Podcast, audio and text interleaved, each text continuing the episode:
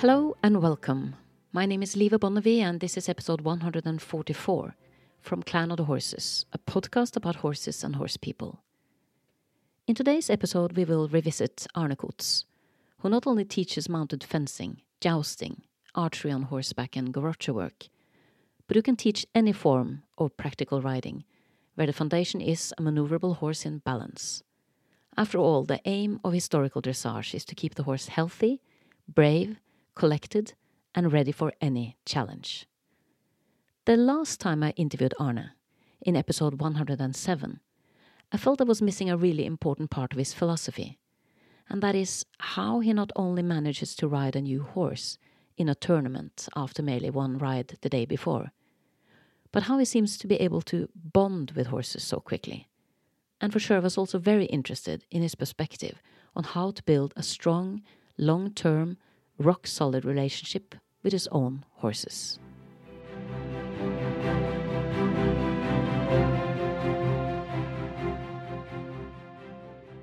So, um, do we need any preparation before this talk? I think I'm going to pick up some of the stuff you said on this weekend. Uh-huh. But the major thing for me is that after our previous interview, Mm. there was one thing that I was like, this time I need to do, you know, dig deeper into this Mhm. particular part of the interview, and it had to do with the re relationship with the horse, Mm-hmm. very specifically. Um, yeah, maybe we can just talk about it for real, Mhm. yeah, like we are starting for real. Mhm. Should Okay. we do that? Okay, Yeah. sure. Go ahead. Okay, Arne. So we are we are back for another interview here in Norway. I'm really glad I am back because I really enjoyed last time. Yeah. Did you enjoy this time as well? This is you know we're into uh, the Saturday and it's uh, tomorrow on Sunday we're doing the second day of your clinic.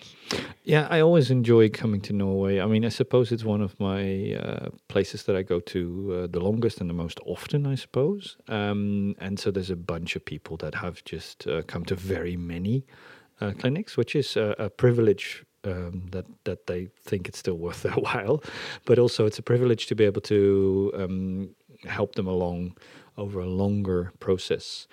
And uh, yeah, there was one or two that I really enjoyed to see just, you know, things blossom. And I, I enjoy seeing things to blossom. And uh, that's just lovely. So um, from this, um, let's just start by this this day, this Saturday uh, at the clinic. One of the things that I really like about you is that you push the rider, but you don't really push the horse. Interesting that you put it that way. I think you did. Oh yeah, well, it's it's it's a way of of, of the divine push, of course. Um, I like to try and challenge the horse to offer more, and give the rider responsibility to, yeah, be better by being out of the way. So you know, we used to say this thing. Is very German. Gutes Reiten heißt das Pferd nicht mehr zu stören. So good riding means that you stop disturbing the horse.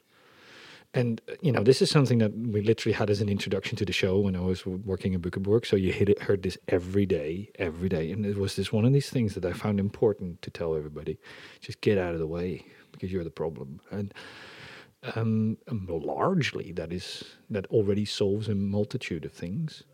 And then, of course, there's a few things left that we didn't get to work on. Um, so, yeah, I suppose that means that I push the rider a bit harder in that sense. And it's nice if the horses start, quote unquote, pushing themselves, if that, that makes sense. It's, and it also sounds nice. I mean, It's ma it makes perfect sense. Um, and I also like the fact that uh, one of the things that I heard you say frequently uh, to the horse uh, is bless him or bless her.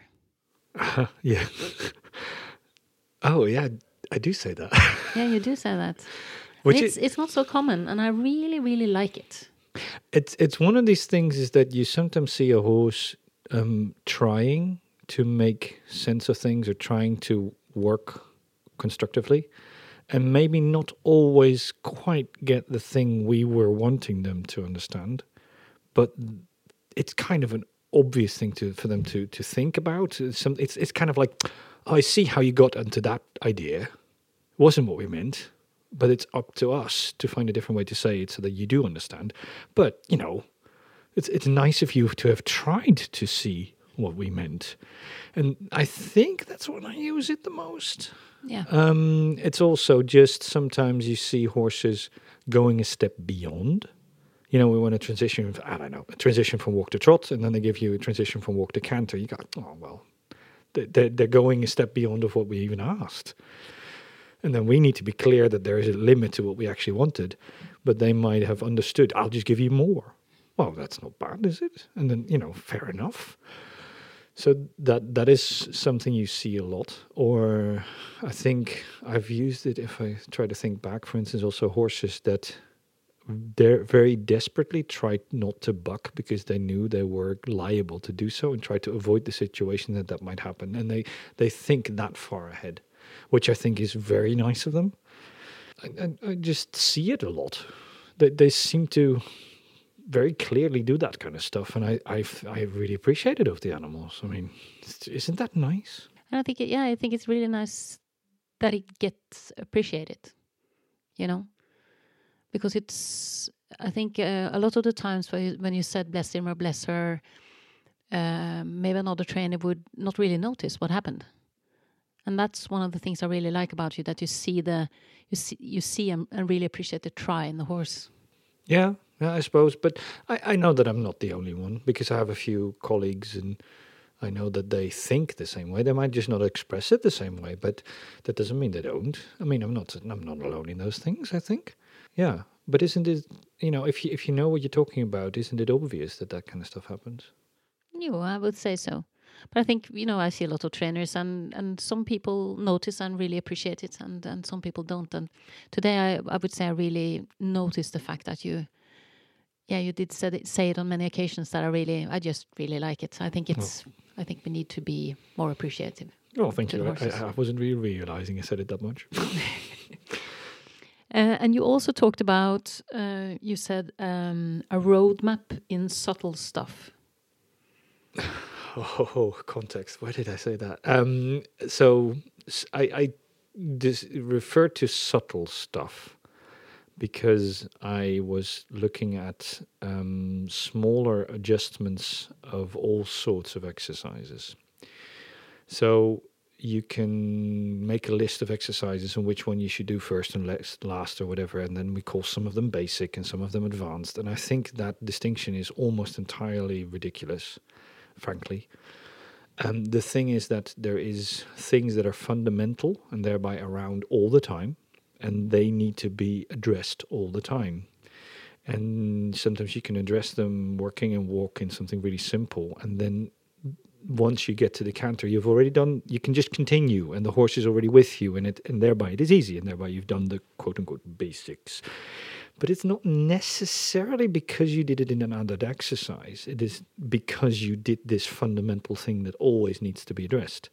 Once you start addressing those things, there's a lot of little subtle influences you take on the horse all the time that take a lot more proprioception, for instance, if you want to distinguish between the front and the back of your seat bone you need to realize that there's different muscles attached to different places. You need to kind of feel how to move your body that way. That is more subtle in that stuff. So, a roadmap in subtle stuff is to be able to understand how how to prioritize these things. What do I introduce? What do I need to tell the horse? What do I need to tell myself? And the horse already knows.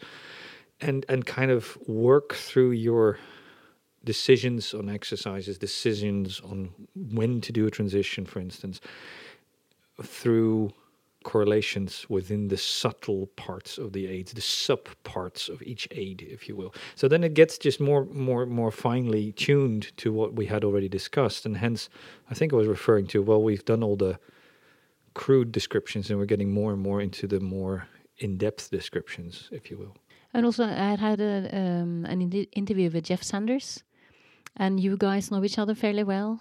Good friend, yes, yeah. very good friend. And um, you both talk about music, rhythm, the feel of the horse in a very nice way, I think.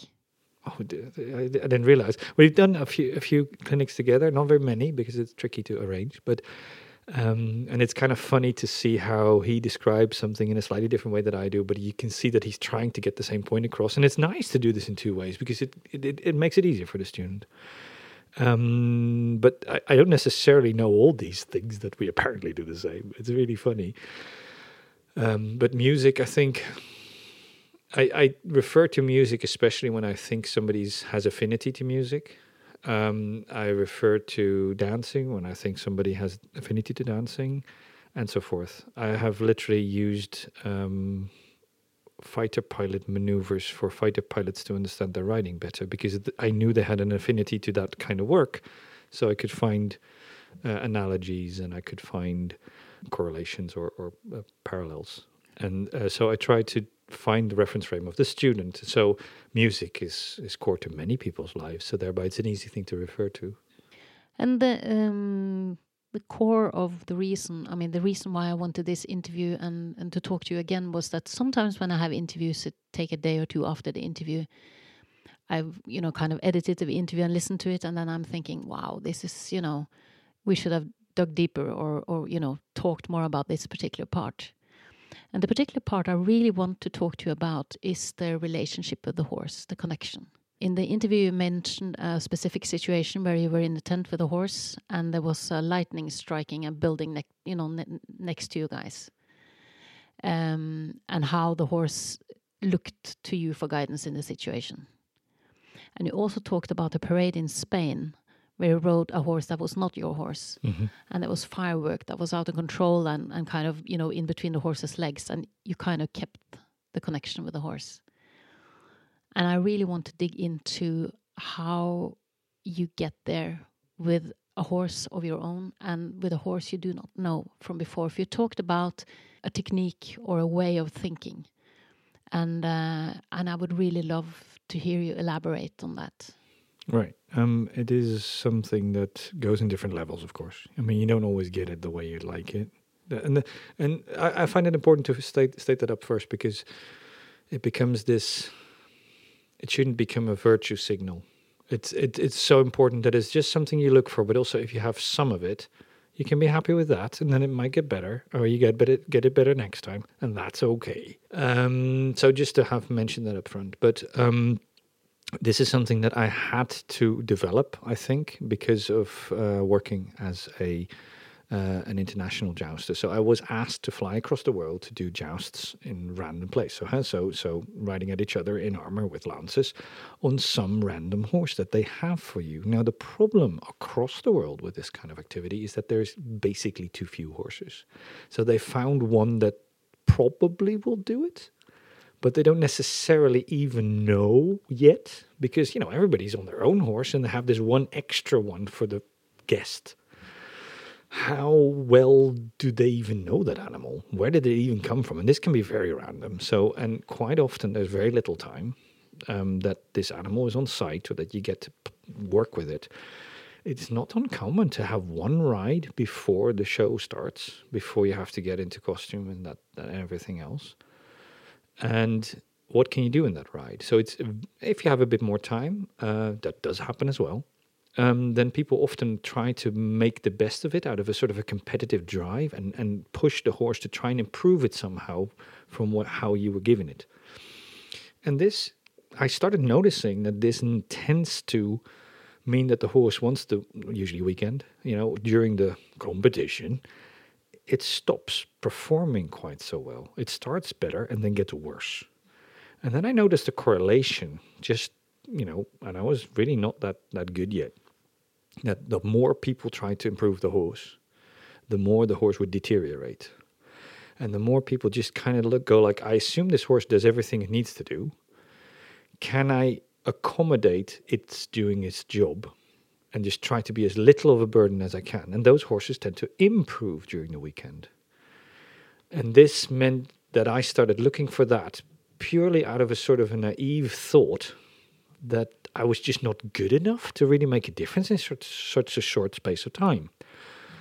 And I did this for a while and a bunch of horses as the time went on. And then later on, I it, it uh, was told to me that these horses weren't actually that prepared as I thought they were and because I just kind of assumed that they could do X, Y, and Z, they did X, Y, and Z. And I was really happy with them, and I just kind of appreciated it and maybe rewarded them a little bit. And then everybody was very happy that the horse had been taught by me X, Y, and Z. And kind of go, oh, I never taught it anything, I just did it.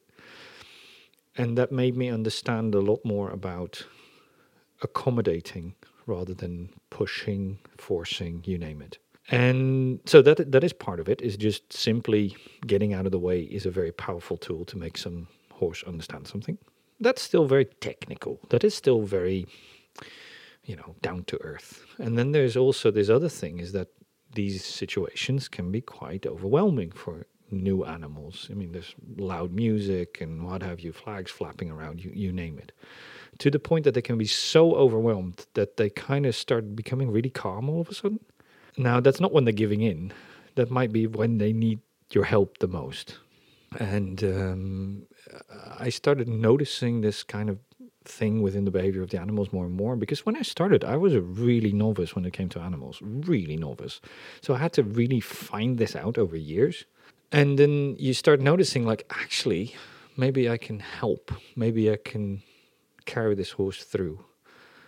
And of, of late, I try to describe it as the embrace in a in a dance. You know, when a good leader embraces a novice dancer, a follower, um, that can really help to encourage somebody to get some confidence and to build flamboyance in the dance as they feel supported and put back into balance. You know you help them find their way and then they start uh, start expressing themselves even though they're very novice at the dance. And when they can start impre- expressing themselves this this follower of your dance then i feel as a leader that i'm really starting to do my job.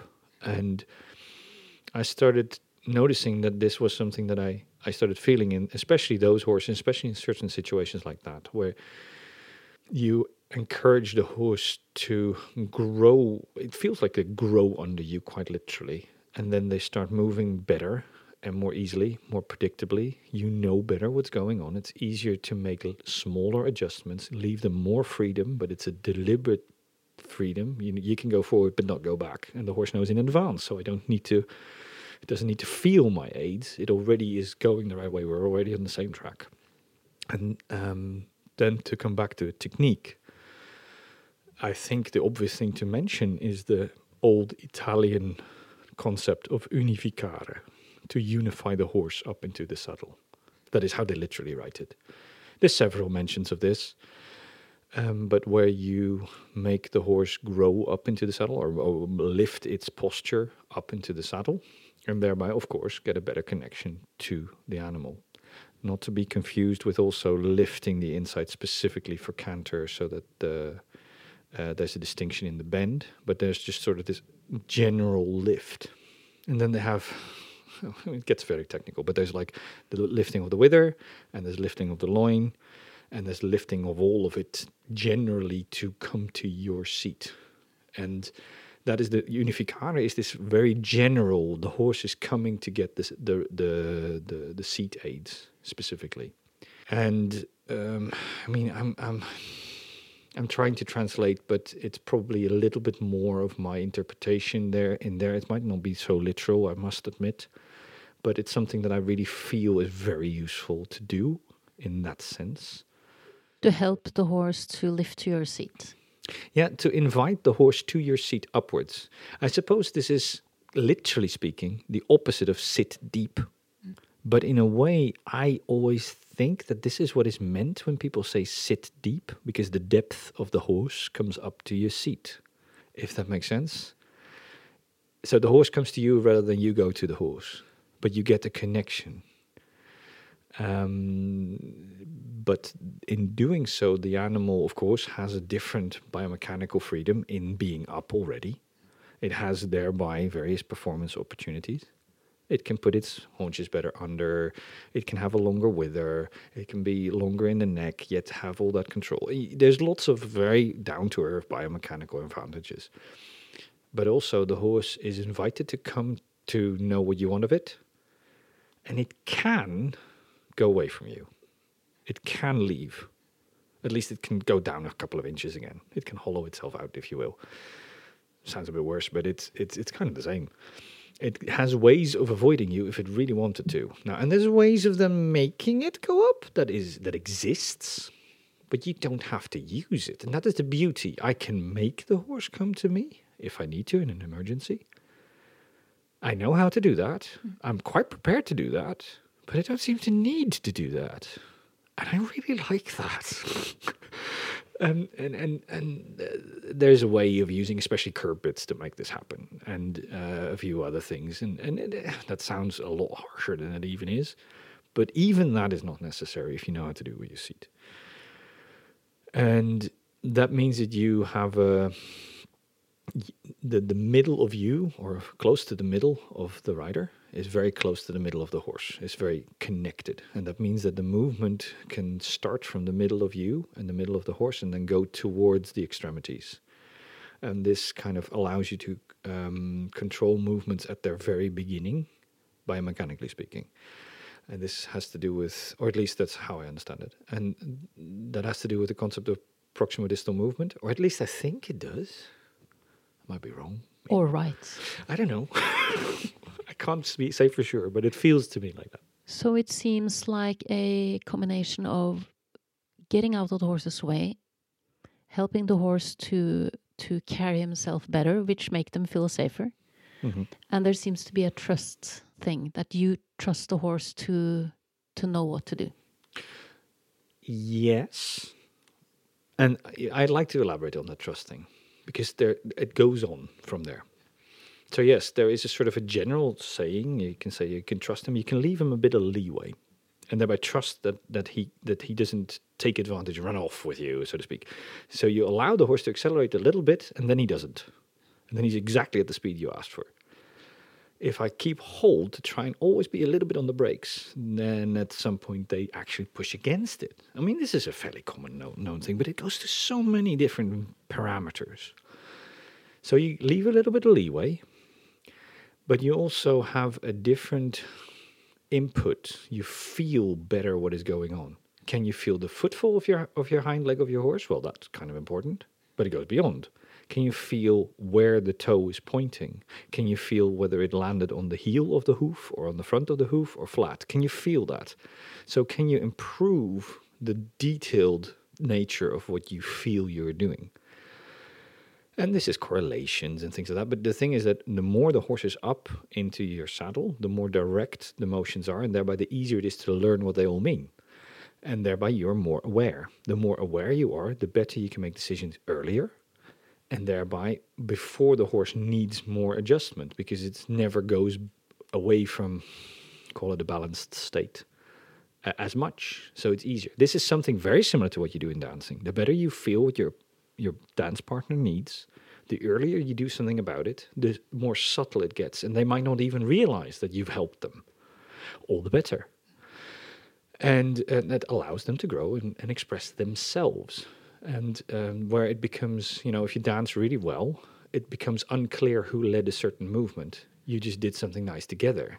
And that's when you really enjoy the dance. And now this can happen within riding as well. And this again is a sort of a mutual constructiveness that goes hand in hand with trust.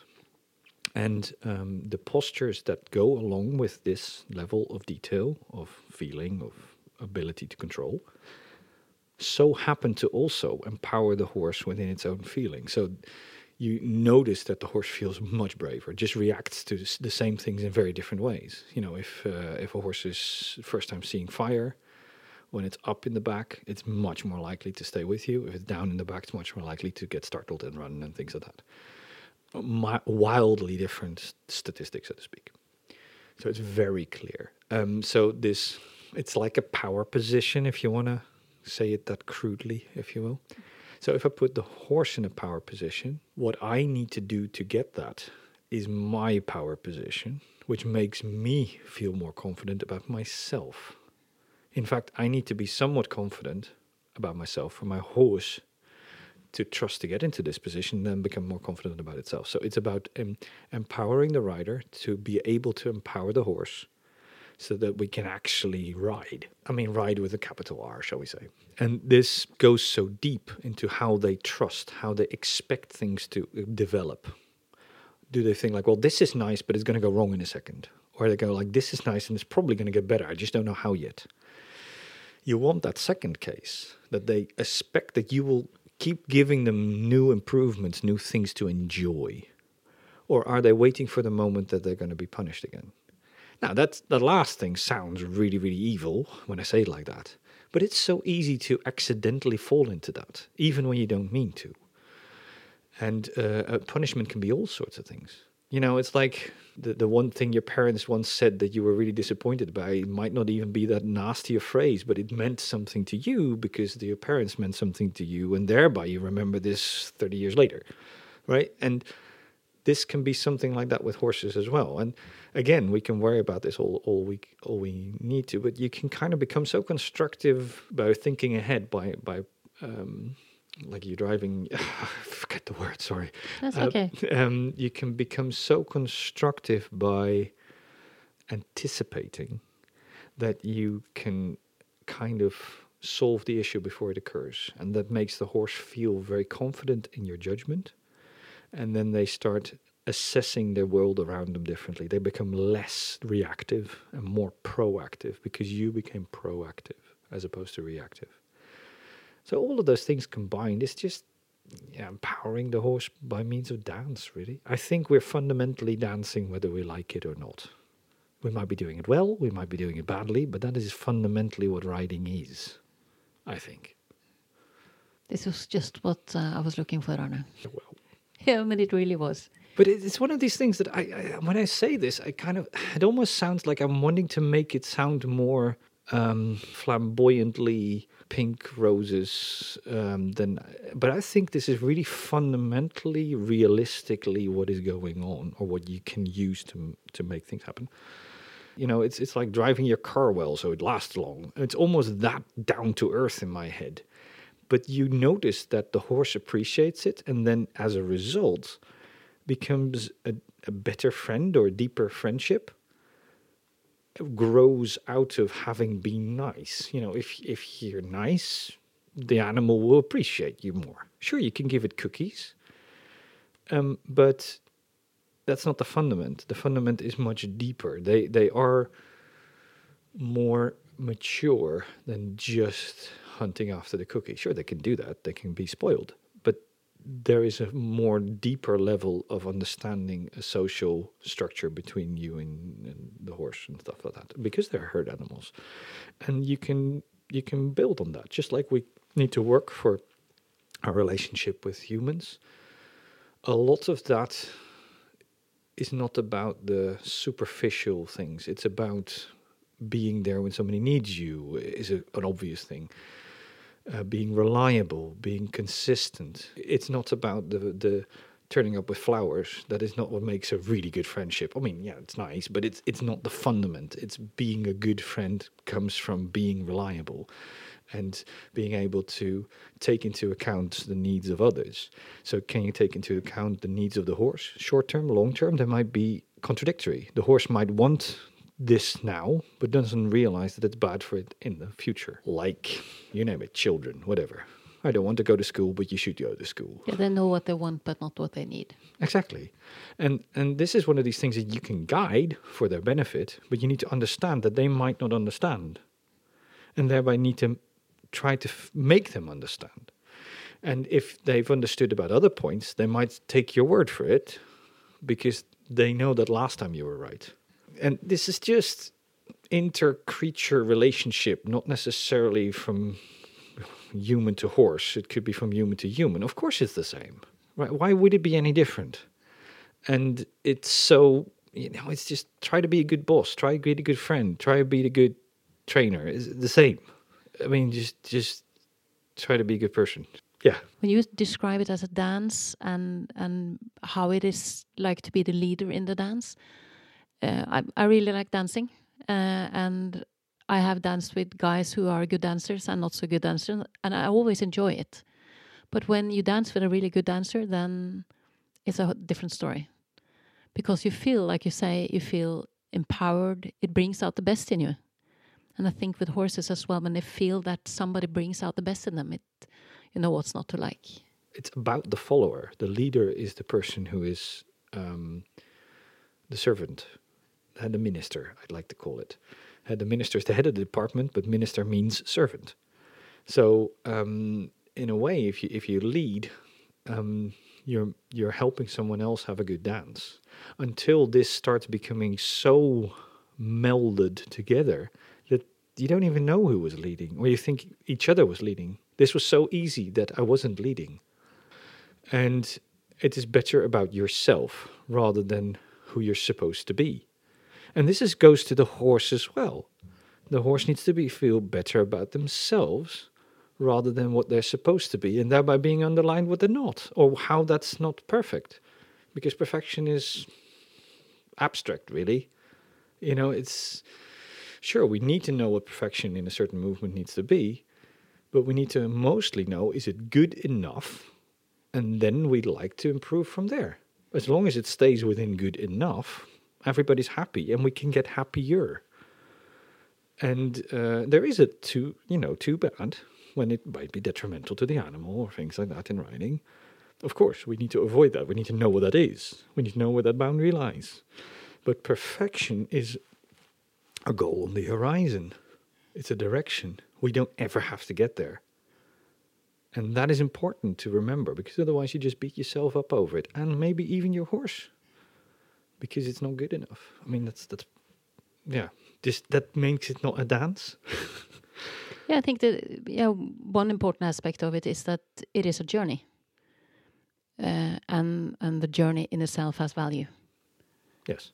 Uh, and when you talk about the dance where you're not quite sure about who is leading, I think that's that's the best rides you get when when it's just like you said unified. Mm -hmm.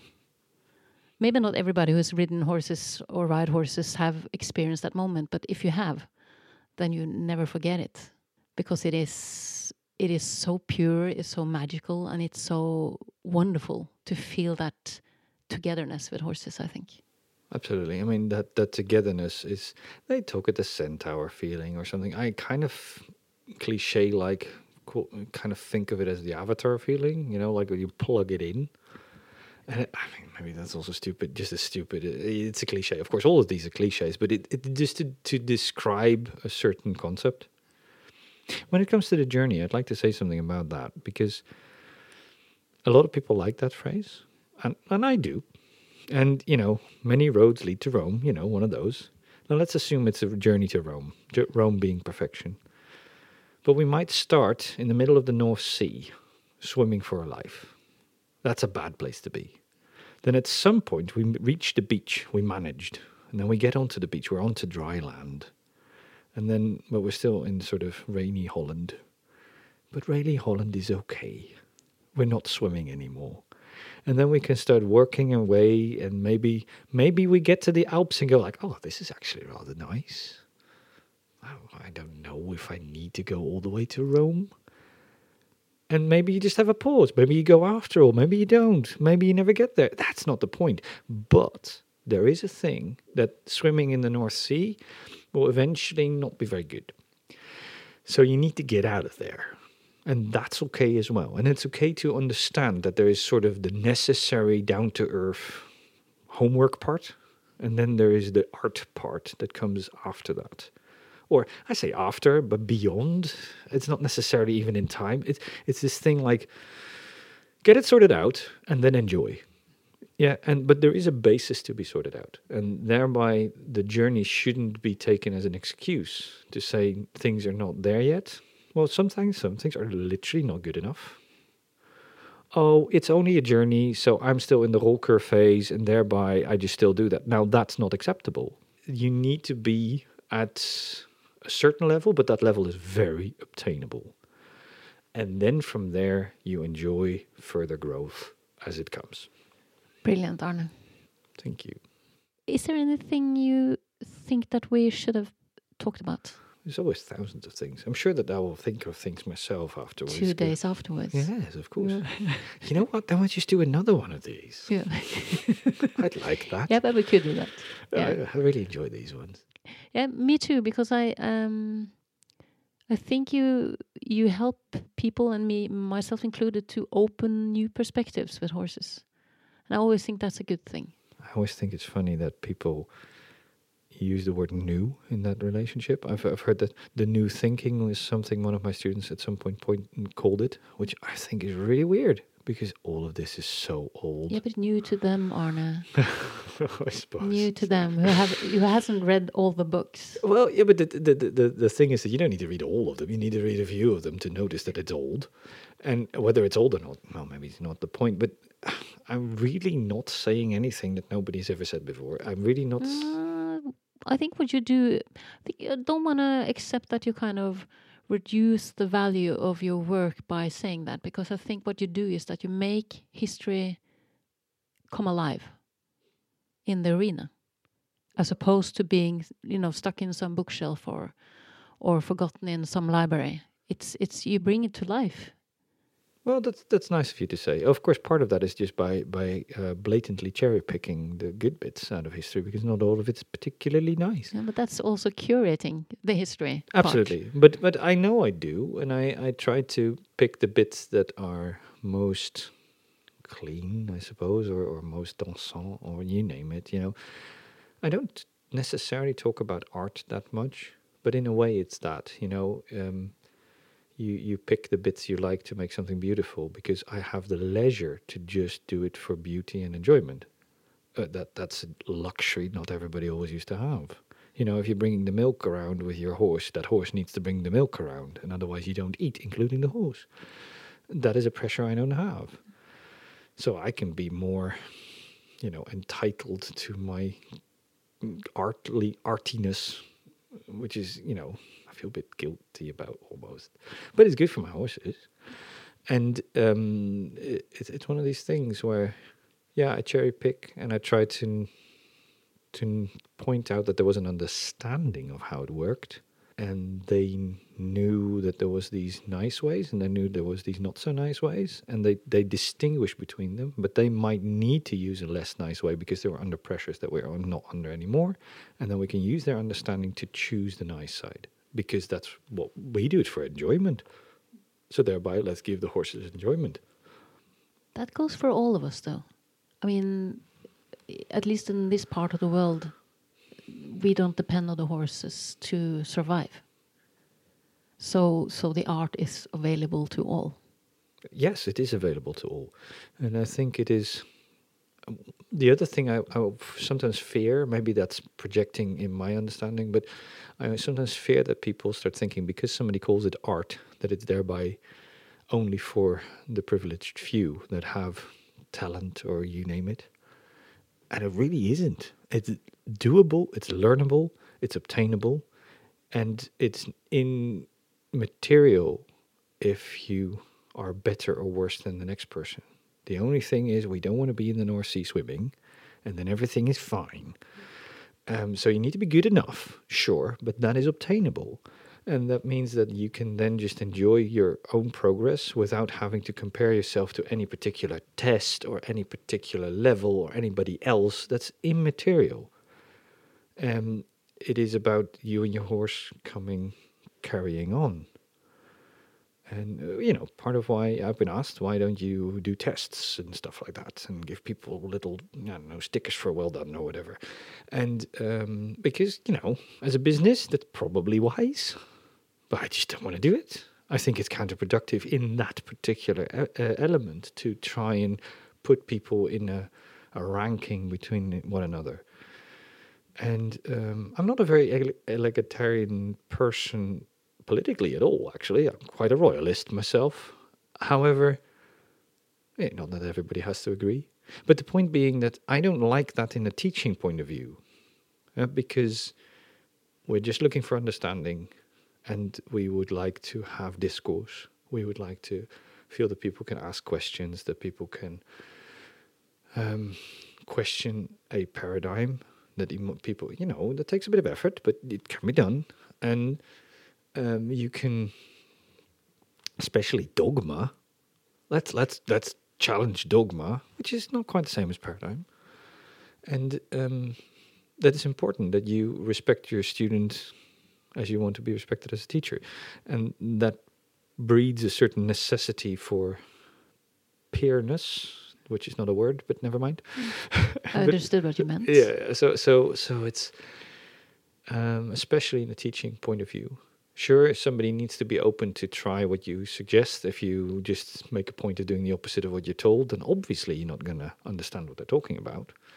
But then you have destroyed the discourse. And you need to allow somebody to make a suggestion, to understand what the suggestion is about, to be able to make up your mind whether you like it or not, or whether it's true or not, or um, and I try to do that in, in, lessons is to let the horse show if I'm right or wrong. I I, I think I try to do that, and um, and it's also is good for me because sometimes I think I think they should be doing this. Is the horse agreeing? Am I right or am I wrong? And then if I can more or less empirically is a big word, but in that sort of vein of empirical uh, establishing what is right or wrong, uh, we can perhaps check up on ourselves in a constructive yet fluid manner. And this is why, uh, yeah, why I think it's very important to have this concept of of equality in a way. If that makes sense. As in qual equality. Um between horse and rider or between yeah. uh, us as riders or all uh, just within all of that um, yeah um, and it, it's kind of weird because we're not the same i'm not a horse yet that doesn't mean we need to value each other in different ways uh, we can very much embrace the fact that a horse has four feet and i have two I am perfectly happy with that difference. Yet, um, empower each other anyway within our own identity. Isn't that what we all want? Yeah, it is. Brilliant, Arne. So, the next time you come back to Norway, if either of us, two or three days after this talk, have thought, you know, damn, we should have talked about this and that, then we will be back again. No, I'd love to. Yeah. I'm sure you'll think of something. Should be hard. Thanks a lot, Arne. Yeah. Varsågod. You have just heard episode 144 from Clan of the Horses, a podcast about horses and horse people. I want to thank my guest Arne Koets, my composer Fredrik Blom, and last but not least, I want to thank you, dear listener, for your patience. May the horse be forever with you.